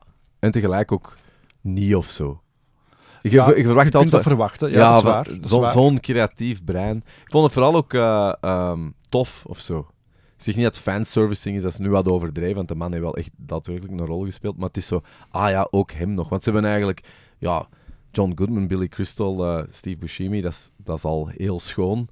En dan heb je de, de, de, de, de, de, de, de supporting cast. En dan zo'n Frank Oz geeft dan zo nog zo, ah ja, hem ook. ja, Ja. ja. Goed, is goed voor de legend. Dat is waar, absoluut. Nu ben ik vergeten, ehm, je hebt eh, die eh, John Ratzenberger, geloof ik dat hij heet. Die man die eh Ham doet in Toy Story en sindsdien ook in bijna alle Pixar-films een, een personage inspreekt. Nu ben ik eigenlijk vergeten op te zoeken welk personage hij in deze doet. Het is John Ratzenberger. Ah, jawel, ik zie het hier. IMDb to the rescue. Hij is een Yeti. Ah ja, ja, ja. Klopt. Ook Ja. dat is een hele grappige scène. Als ze dan Mike en Sully verbannen naar de mensenwereld, wat doen ze dan? Dan sturen ze die naar de Himalaya. En Ja. wie woont daar? Uiteraard een ander monster dat daar ooit terecht gekomen is. En zo komen al die dingen plots samen. Waardoor het raak voor hun niet zo heel veel verandert ja. ja, en eh, ook het verloop hè, van die film rolt ook enorm, verveelt ook niet. Een uur dertig of zo, denk ik. Relatief kort, hè, zeker naar eh, huidige standaard van, van, van films. Maar daar zit geen frame te veel in, te weinig in. Die, die hoge afwerkingsgraad ook, eh, want nu dat ik naar u hem zie, maar inderdaad, die generiek, hè. Zo schoon. Wat eigenlijk al voor tekenfilms eh, van de laatste twee decennia eigenlijk al vrij uit een bozen is van een soort van intro te maken. Hè. Dat wordt niet meer gedaan. Zo pre-credits. En dan toch dat doen met dan die muziek van Randy Newman eronder. Zoiets heel ragtime, jazzy. En dan die deuren die... Ja, het is, dat is echt fantastisch gemaakt. Ja, en, en ook het, het, eh, het conceptueel, het, het concept artwork. Ehm, vooral dingen, hè. Eh, ik blijf het zeggen, Mike, dat is zo'n briljante vondst. Dat is... eh, Ho- Hoe goed is dat? Op een bepaald moment moet hij zijn lens in doen. En dat hij dan zijn beide handen nodig heeft om die lens ja, op zijn oog te krijgen. zo funny. Maar terwijl het eigenlijk, het is een cycloop, hè. Ik bedoel, Ja. het is niet dat de geschiedenis dat niet kent of zo. Maar ja, het is dat groen, het is alles. Ik geloof wel dat ze een hoop... ehm, hebben ze niet zo'n hoop rechtszaken aan hun been gehad of zoiets? Ik geloof wel dat er film... Ja, er zijn een aantal kortverhalen geweest, dacht ik. Eh, eh, dat kun je opzoeken. Hè. En dan, dan zie je wel van... Ja, zo iemand dat dan een verhaal had met dan, denk ik, het Sullivan-personage. Ja, dat lijkt er wel wat op. En ook Mike komt er een paar keer in.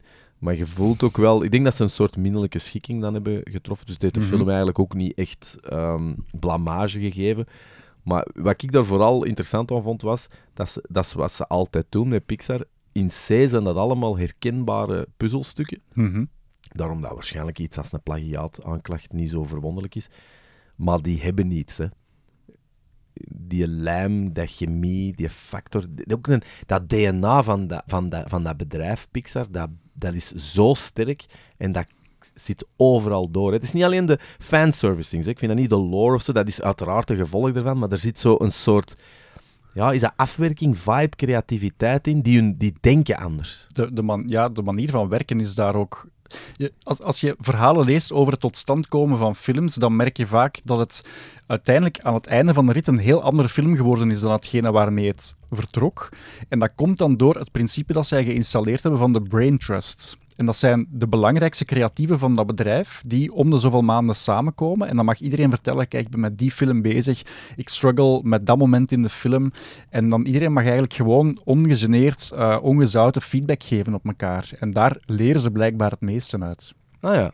Ja, klinkt, eh, klinkt, klinkt logisch. Het is een, een, een, een tactiek dat ik nogal wel in bedrijven gezien heb, maar dan moet het ook nog wel kunnen natuurlijk. Het, het, eh, uit een brainstorm organiseren is, Ja. eh, is, is, is makkelijker dan... eh, ja.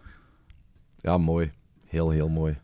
Trouwens, je- omdat je het net, eh, je hebt net de volledige naam van, eh, van Sully gezegd, het is eh, Sully James P. Sullivan. Ja. En dat is een hommage aan Pat Sullivan. En dat is blijkbaar de, eh, ja, de bedenker van Felix the Cat. Dus zelfs daar wordt er, ja, zoals de Harryhausen ook, wordt er eigenlijk gewoon naar de, naar de filmgeschiedenis geknipoogd. Ja. En, en, eh, en dingen, eh wat is een andere? Mike... eh, wat is- Mike Wazowski. Is Mike Wazowski ook...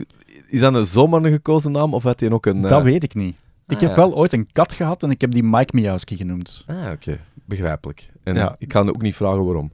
Die had twee ogen. ja, ik ga het even zien. Pixar, ja, inderdaad, het fandom. Of dat ik grap iets vind, kan dat niet uh, dingen. Als het te lang duurt, maar...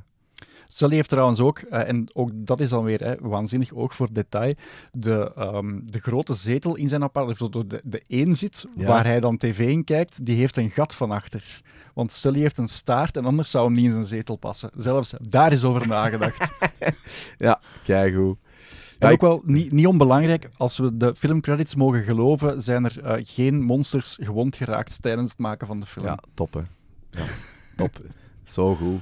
Ja, dat is, ja ik, ik kan daar alleen maar heel veel... Uh, um, ja, dat is bewondering. Hè. Ik vind dat ook heel tof. Dat is zo, dat, je kunt dat afdoen als job eer. Uh, maar dat is het wel. Het is, dat is wat dat altijd is. Bijna de hoogste vorm van job eer. En dat, dat genieten. Ik denk dat dat ook heel mooi moet zijn als je in zo'n film zit. Want ik, ik weet niet hoe lang dat duurt, maar dat duurt echt lang. Hè. Dat is vijf, zes jaar of zo. Of soms nog langer zelfs, denk ik. Het animeren zelf is denk ik een jaar of twee, maar inderdaad, tegen, tegen dat dat groen licht krijgt om gemaakt te worden. Oh, alles in zo dat je. Dat moet een enorm gevoel geven als je, als je zoiets gemaakt hebt, dat je weet van dat gaat twintig jaar later gaan er zelfs nog podcasts over.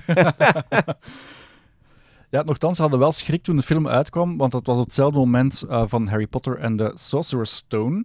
En ze hebben toen een speciale trailer gemaakt, die dan alleen vertoond werd voor Harry Potter. Ik weet niet of je die ooit gezien hebt. Nee. Maar Mike en Sully zitten in hun appartement, ze zijn een spel aan het spelen en uh, Mike moet raden wat Sully uitbeeldt. En dat is dus Harry Potter, maar Mike heeft het de hele tijd mis. Dat is wel keigoed. Dus dan zegt hij dingen als Dirty Harry, Harry Flowerpots, When Harry met Sully. Een ja. referentie natuurlijk naar... Ja, ja, de film. Uh, Billy Crystal en uh, Meg Ryan, de beroemde uh, orgasme-scène. Ja. ja. En Zo. uiteindelijk komt er dan in beeld uh, Monsters Inc. Je kan hem nu zien uh, in een theaterzaal, dicht bij jou. Maar echt dicht bij jou, misschien zelfs gewoon de zaal hiernaast. Zo goed. Zo goed.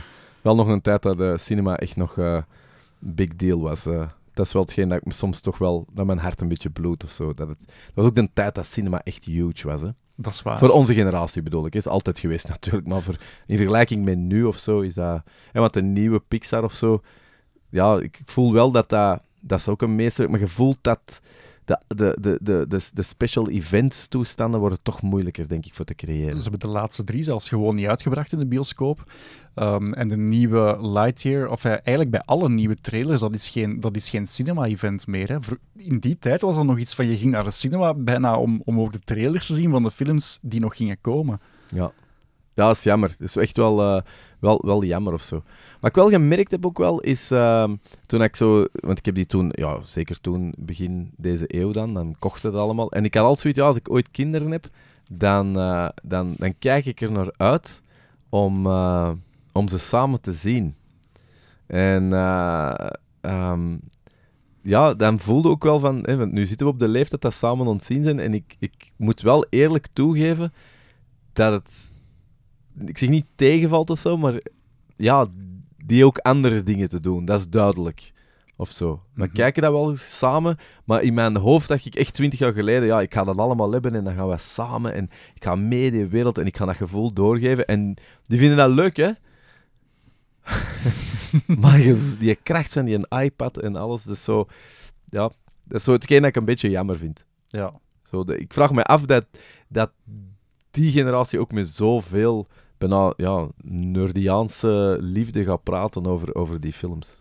Dat is, uh, ja, dat is een interessant vraagstuk. Ik herinner mij nog dat ik voor deze DVD echt op de dag dat die uitkwam naar de FNAC ben gelopen, want er was aangekondigd dat er een nieuwe kortfilm ging gemaakt worden, Mike's New Car. Ja. Ik dacht gewoon, ja, gewoon al dat dat universum uitgebreid wordt, dat er meer van Mike en Sully is. Ik wou dat direct zien. Ja, ja, ik weet het niet of, dat ze, of, dat, of dat ze dat gaan hebben of zo. ik, voorlopig zou ik er nog niet op, op... Langs de andere kant is wel iets anders of zo, maar ik heb wel, uiteraard, ze was al geboren in de... In de nee, ze was nog niet geboren, maar ze heeft in ieder geval nog meekijken. De Frozen-gekte, dat is wel echt een fase, hè. Dat je, mm -hmm. hey, bedoel, je dat met kinderen, hè. bedoel, je hebt dat... Ja, niet bij iedereen, maar je hebt de K3-fase of je hebt dat, maar de Frozen-fase is wel echt real. En dat, dan zie je dat ook echt... Dat staat dat constant op, hè. Ja. Con constant. En dat is wel iets dat ik me afvraag. Uh, dat is wel een ander soort tekenfilm. Niet alleen qua, qua look en feel, maar ook qua hoe dat, dat gemarket is. Monsters Inc. voelde wel, dit is ook echt voor volwassenen. Terwijl Frozen is dat toch iets minder. Ja, een beetje gedacht vanuit de merchandise. Ja, Ja. Terwijl, en ik geloof oprecht dat bij Pixar, of toch zeker in die eerste periode, dat die daar net niet mee bezig waren. Toy Story, natuurlijk het geluk dat dat speelgoed is, Ja. maar Maar Toy Story vraag ik mij ook af. Ik bedoel, wij hebben een Woody, of mijn dochter had, heeft een Woody, maar dat staat niet in die top 10 van. Zo, of, of een Buzz misschien bij jongens of zo. Cars. Ja, Cars misschien nog, nog harder of zo, ik weet het niet. Cars moet ik in ieder geval toch wel eens cadeau geven. Maar ik denk dat het ook meer nu in de, in de kleding of zo zit. Of het bed overtrek. ja, Dan. ehm, maar Monsters Inc. weet ik eigenlijk niet. Ik heb niet de indruk dat Monsters Inc. zo'n speelgoed-hit was. nee, dat denk ik ook niet. Allee, het is, ik kan mij zelfs niet herinneren dat je... Nee, want ik heb bijvoorbeeld... eh, mijn zus heeft ooit eh, een relatie gehad met een Australiër die zo ehm, heel veel... Die eigenlijk een ja, soort top invoerder was van, van speelgoed. Ik denk de Dora-poppen en alles. Dus die een had... Ja, in ieder geval die had er. En ik heb zo... ehm, ja, ik kan er nu net niet aan, dan zou ik hem pakken, maar ik ga je zo dadelijk laten zien. Eh, ik heb dat ezeltje, Eddie Murphy van Shrek bijvoorbeeld. En dat is... eh, ik ga je dat zelfs laten zien. Dat is fantastisch speelgoed. Dat echt, als je op de mond drukt, dan, ja, dan begint je lines te doen eh, uit die zin. En dat je denkt, ja, dat is fantastisch, fantastisch, fantastisch. Maar dan vraag ik me af, is dat eigenlijk kinderspeelgoed of vind ik dat als volwassen mens fantastisch? Hè? Ja, Zo, ik ben zo de Toy Story dingen beginnen verzamelen als volwassene. Dus ik heb thuis zo'n rek staan, bijvoorbeeld. ja, dat is wel tof, hè. Ja, dat is wel tof. Ja, dat blijft wel goed. Ja, deze had ik wel een goeie. Het is wel een andere film, maar ik ga het toch even een keer Eh, doen. Ted. Ted, eh, Ted, eh, ik heb pillen teruggestoken in Ted. Ik hoop dat we gewoon horen. Wacht, hè. All right, come on, let's sing the thunder song. When you hear the sound of thunder, don't you get too scared. Just grab your thunder buddy and say these magic words. Fuck you, thunder. You can suck my dick Maar dan vraag ik me af, dan vraag ik me gewoon af of dat een kind dat eigenlijk leuk vindt. Dat staat denk ik niet in de Bart Nee, denk het ook niet. Eigenlijk, we hebben het nog niet gehad over de aftiteling. Want ook daar gebeurt, los van de, van de zogezegde bloopers die alweer heel, heel, erg hilarisch zijn, ehm, daar komen we ook eindelijk te weten dat de, het, de company play, de musical die Mike en Sully zogezegd aan het voorbereiden waren wanneer ze Boo terug naar de mensenwereld willen, willen brengen, die wordt daar ook uitgevoerd. Dat is denk ik een van de grappigste dingen die ik ooit in een Pixar-context gezien heb. is wel waar. Ja. Waar Mike Wazowski eigenlijk heel het verhaal trekt en dan ook nog eens belangrijk vindt dat hij genoemd wordt als regisseur, creatief, scenario-schrijver. Wel heel goed dat je dat even zegt. eh, Mike Wazowski, ook twee van de topcomedy momenten in de film, is inderdaad de erkenning of het gebrek aan erkenning van Mike. Eh, eerst, Absoluut, Eerst ja, ja, in, de, ja. in de commercial. eh, hè, eh, voor de mensen die het gezien hebben en een kleine opfrisbeurt is, ja, er is een soort, ehm, ja, een soort bedrijfsfilm zeker. Hè? De, Een reclamespot, een ja. reclamespot, eh, waarbij dat eigenlijk... eh, ja, dat, dat eigenlijk in vol anticipatie kijken dan de eerste keer dat hem ge, ge- vertoond wordt. En ze zien eigenlijk iedereen al dat ze kennen van de werkvloer erin komen in vol ornaat. En hij weet wanneer dat de scène komt, want dat is nog het beste. Hij weet, hij- de anticipatie is er. En dan denk ik dat hem een, s- een halve seconde in beeld is. En dan krijgen ze eigenlijk Komt dat logo over zijn hoofd. ja, de grafiek. En dan heb je zo, dat is heel goed geacteerd, of heel goed ge, ge, ge- geanimeerd geacteerd. Zie je zo die seconde spanning van, van. Want ik denk dat hij het ook zelf zegt, hè. Sullivan zegt zo: Oh, Mike. En dan zo. Dat hem toch kei blij is dat hem erin zit. En dat is een goede joke, maar die wordt nog veel beter natuurlijk op het einde. Dat eigenlijk exact hetzelfde gebeurt, maar dan in geschreven print. En dat het dan een fucking barcode is, geloof ik. Hè? een Ja, barcode. Hij staat in uw boek. Ja, ja, ja, zeker. Wacht, ik zal hem erbij pakken. Enfin, niet dat mensen dat kunnen zien, maar dus dat, dat- het is dan een valse cover van een magazine.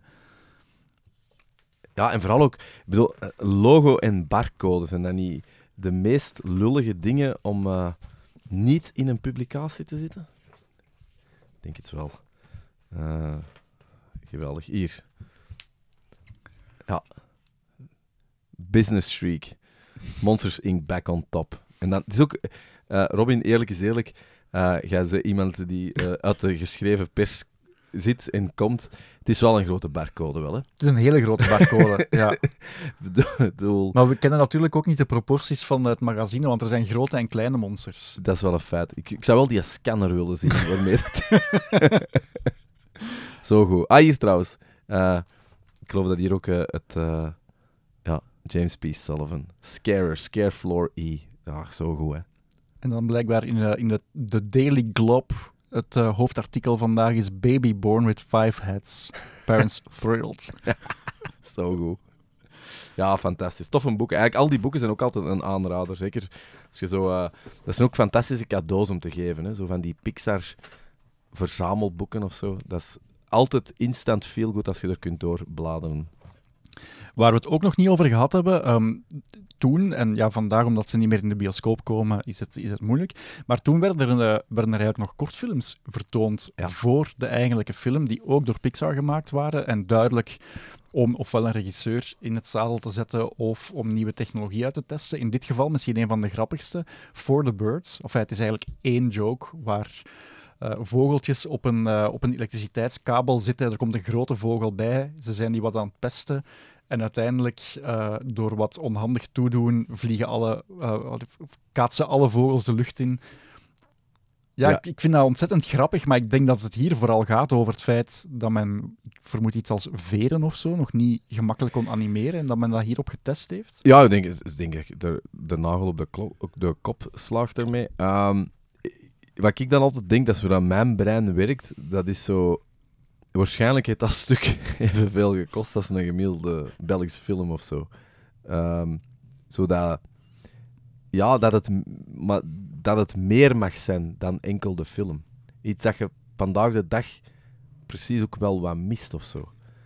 Want uiteindelijk, die film zou die minder succesvol geweest zijn als die kortfilm er niet was.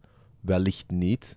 Maar dat is gewoon zo, ja, zo geen enkele kans onbenut laten om, om, iets, om die creativiteit kwijt te krijgen. Want het is ook niet echt, ehm, het heeft er ook niet echt iets mee te maken. Hè? Totaal niet. Nee, nee, Totaal niet. Want die comedy figuur, komt daar, komen die figuren terug in de film? Nee, ze maken een cameo in Cars, Ja. maar ook heel, heel, heel kort. Ja. Dat is dan puur als easter egg, maar nee, voor de rest. Ja, wel, wel heel goed. Maar ik denk, ik, ik- we hebben het er straks al gezegd, weer al een beetje, maar dat dat vandaag de dag nog altijd niet gedateerd voelt, vind ik, eh, vind ik wel straf. Ja. Dat is, eh, want dat, ik weet niet of ze het allemaal hebben. Niet al die films van die tijd kunnen dat zeggen. Dat is waar. Ook dat renderen is ook heel goed. Hè. Dat, jij toch gezegd hè, dat dat... Hoe, hoe, duurde- hoe lang duurde het renderen? 10 tot 11 uur voor één frame. Ja. Als er haar in zat, hè. Dat Ja. is belachelijk, hè. Nu, dan, ja, dus daar was wel effect, of daar is nog altijd een render farm. Hè, dus die zijn gewoon dag en nacht beelden aan het renderen. Ja, nu vermoed ik dat 20 jaar later die snelheid wel een pak beter zal zijn, maar dat geeft wel aan dat dat... Want uiteindelijk moeten zo'n, moeten zo'n workload altijd zien in zijn tijdsgeest. Per frame 11, 12 uur. Ja, dat, dat is... 24 beelden per seconde. Dus dat, ja, Ja, dat is, een, is, dat is eigenlijk 12 dagen... Is het dan 12 dagen voor een seconde? Dat kan toch niet? Wauw, slechte wiskunde hier. maar het klinkt in ieder geval wel lang of zo. ja. Het klinkt wel verschrikkelijk lang. ja. Ja. Het is niet dat iemand dat manueel moest doen of zo, hè, maar dan nog. Nee, dan nog, ja, ja, ja. ja. Ja, in die mate heeft het, want het was, een, het was een geweldig succesvolle film, maar in die mate zelfs dat men besloten heeft, twaalf jaar later, om er een prequel op te maken. Heb je die gezien? Ja, maar ik vond dat het thema niet zo heel veel. Ja, ik vond dat... Ik heb dat gezien, maar ik heb dat ook bewust niet teruggezien hiervoor. Vond jij dat leuk? Ik vond dat oké, maar ik, eh, ehm, ik was altijd meer geïnteresseerd in de sequel, die er maar niet komt. Ja, Eh, want dat was eigenlijk... Want dat was eigenlijk, ik denk dat dat eigenlijk was, ze wouden de sequel maken, maar daar hebben ze op een of andere manier... Denk ik dat ze daar artistiek wat in de knoop zitten met, met het vervolg. Wat ik snap, als je zo'n prachtig einde hebt. En dan hebben ze eigenlijk een beetje de, de prequel gemaakt over eh, letterlijk hoe dat ze daar zijn geraakt.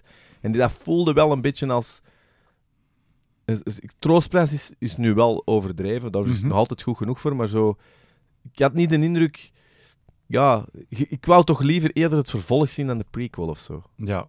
En ook heel dat eh, buddies at college, dat interesseert mij ook niet zo erg. Dat, hier, is- hier is dat ook helemaal anders.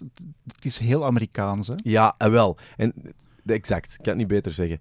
Terwijl Monsters Inc. zit net, is heel, is, is, is universeel. Het gaat over emoties en dat is meer een soort, ja, Ja. whatever. Eh, daar zitten ook een aantal referenties in die, ik ook, die je ook al wel in andere dingen gezien hebt. eh. Maar wat denk jij dat de reden is dat ze nooit die sequel gemaakt hebben? Maar dat, toch, dat, toch, dat geld kan niet de reden geweest zijn. Ehm, als ik het mij goed herinner, ging dat uitbesteed worden aan een andere studio, want Disney had toen ook die rechten. Al even, eh, in, eh, complex verhaal in een nutshell. Ehm, Disney mocht eh, niet alleen de films verdelen van Pixar voor de eerste vijf films, maar hadden ook alle rechten eigenlijk op de personages, dus lees op de merchandise. Maar ook als zij besloten, we gaan daar nu een tv-reeks van maken of whatever, dan zou eigenlijk, had Pixar eigenlijk niks meer te zeggen daarover. En dan is er dus dan, dan is die grote overname gebeurd en Pixar heeft dan eigenlijk gezegd alles wat er nu in de pipeline zit, wordt gewoon geschrapt. Ja, en dan moet er opnieuw gaan opstarten en dan wordt dat een gedoe. Nu, misschien een vraag aan u zo. ehm, omdat ik, ik weet dat jij ook een enorme fan bent van Monsters Inc. Ik weet het niet, misschien is het ook beter dat hem er niet is. De sequel. Oh, Eh, dat, de- hem de- niet, dat, ah, hem de- niet, dat hem niet komt. Nee, dat denk ik ook. Er is nu wel een tv-reeks, Monsters Ja. at Work, of ja, tv-reeks, een Disney Plus-reeks. Ik heb het nog niet gezien en een beetje om, om, om dezelfde reden als Monsters University. Ehm, ik was zodanig eh, ongelukkig van Monsters University, omdat dat zo... Dat was een uitbreiding van dat universum dat niet nodig was voor mij. Dat ik niet de behoefte voel om nu te kijken naar een tv-reeks erover. Terwijl ik dan weer wel heel enthousiast was destijds over dat ene korte filmpje van drie minuten van Mike in zijn auto. Ja, maar dat is iets anders. En je weet ook dat dat iets anders is. Ja. Omdat dat geen... Dat is het nadeel dat je een andere film ook maakt, dan wordt dat op gelijke hoogte gesteld. Terwijl dit, dat, vertrekt, zo die kleine filmpjes vertrekken vanuit een underdog-positie. Dat is gewoon leuk en tof. En omdat dat, dat, is, dat is veel minder pretentieus, dat is iets klein. Maar eh, nee, ik ben ergens ook blij, omdat ik... eh, Ja, uiteindelijk, het verlangen dat je hebt om te weten wat gaat die relatie zijn, dat gaat nooit ingelost kunnen worden. Want je weet wat dat gaat zijn. Wat ga- hoe moeten dat vooral technisch gaan oplossen? Ja, dan, het die, dan gaan die dat moeten doen. Dat gaat raar zijn. Hè? Die, dan moet hij in de, in de mensenwereld gaan zitten. Maar dat gaat ook... Ja, dat, je, weet wat dat soort films zijn. Zo hebben we er ook al heel veel gezien. Maar dat eindigt dan ook weer niet zo... Nee, ik denk dat het veel veiliger is zoals ze het nu gehouden hebben. Eh, wat eigenlijk wel ch- chapeau is. Ik kan er dan vanuit dat ze het om die redenen doen en niet om geldreden. Maar mee dat ik het uitspreek, eh, voel ik de naïviteit ook wel op mij neerdalen. En dat siert jou ook. Af en toe moet dat kunnen. Hè. Andries, ik weet dat als ik, er geen, als ik dit geen halt toeroep, dat wij Ja. hier nog uren kunnen doorlullen. Nee, Daar is op zich niks mis mee. Maar ehm, Het is goed, hè? over twee weken kijk ik naar Finding Nemo. Ja. Is dat een film waar jij met Ja. veel eh, liefde naar terugkijkt? ja. Stel dat je gezegd had, Monster Inc. eh, Monsters Inc. is al weg. eh, dan had ik niet ineens gezegd, nu is Finding Nemo mijn lievelingsfilm. Zo... allee, dat zou ook dat was het up geweest. Maar dat was het up geweest. Maar Finding Nemo, ik, ik- wederom hebben we het al gezegd, de, de kracht van dat universum. Finding Nemo ook heel schoon. Maar ook wederom dezelfde elementen die Monsters Inc. zo schoon maken. Hè. Fantastische, eh, fantastisch getekend of gemaakt, hoe dat je het ook noemt. De kracht van dat oranje. In je leven, eh, ik bedoel, eh, de kracht van, van zeeblauw en oranje. Dat is zo schoon. Je, ziet hem, je zag het ook als je het weet in, in terugwerkende kracht. En je ziet het op het moment dat, eh, dat het speelgoed van Boom meekomt Mhm. dat visje. Ja, ja, ja, Wat- inderdaad. Ik bedoel, hoe, wie is er allemaal niet naar de zoo ineens gaan kijken naar dat visje? Hè? Zo, die, ja, als je die een impact kunt hebben, Ja, dat is waar. De combinatie van die twee kleuren heeft wel iets, iets magisch. ja, En Ja. dat zag je ook terug in de posters, in de boeken, eigenlijk alles wat daar rondhangt. Het is niet gewoon dat visje, het is altijd met dat helsblauw erachter. ja, dat is schitterend artwork. Hè? En hier en bij, bij Monsters Inc. is het, is het in het groene en het blauwe. Dat is een totaal ander kleurenpalet. Maar ik zeg het, ik ben daar ook niet, niet, niet, niet, niet belezen of, of slim genoeg voor. Maar mensen die denk ik met kleurenwetenschappen of whatever grafische vormgevers bezig zijn, dat is zo bonker op. Ik moet heel vaak denken, ik geef het eerlijk toe, als je, als je, als je heel snel zo die Pixar-films door je hoofd laat gaan, dat dat gezien, dat zijn kleuren. Hè. Incredibles, dat is dat blauw, eh, rood en dat geel, eh, dat, dat blond haar. Cars is ook dat rood vooral. Eh, Toy Story zijn dan weer, vind ik dan vloeren kleuren, maar dan is zo de, de, de bruin. Ja, dat, gifgroen van Buzz Lightyear met Ja. dat paars. Ja, en dan Woody zijn zo'n outfit. Dat is Ge- zo, Geel, rood, bruin. ja, schoon toch? Ja. Ja. Soul zie ik ook direct. Ja. Eh, ja. Dat blauw, hè, natuurlijk. Ja. Upside Down is... eh, oh nee, sorry, Inside Out liever is iets anders, maar dat is een ander soort film. Dat is, dat is, Daar zitten wel vijf belangrijke Ja. kleuren in, als in alle Ja. gevoelens, maar ook daar is Ja. kleur een heel belangrijk eh, Bugs aspect. Life, net hetzelfde. Dat geel, dat groen, dat gras. Ja, het is ja, schoon, schoon keigoed. Andries, grote dank. Nee, jij bedankt. ik heb mij nog eens heel hard geamuseerd met een film van 20 jaar geleden. Nog eens eh, een excuus gehad.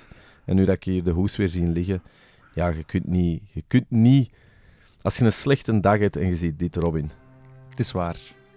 Het is alleen jammer dat Mike er volledig op staat en dat er geen barcode over zijn oog is gepubliceerd. Maar goed, kijk, dat is een detailopmerking. Absoluut. Merci. Ook.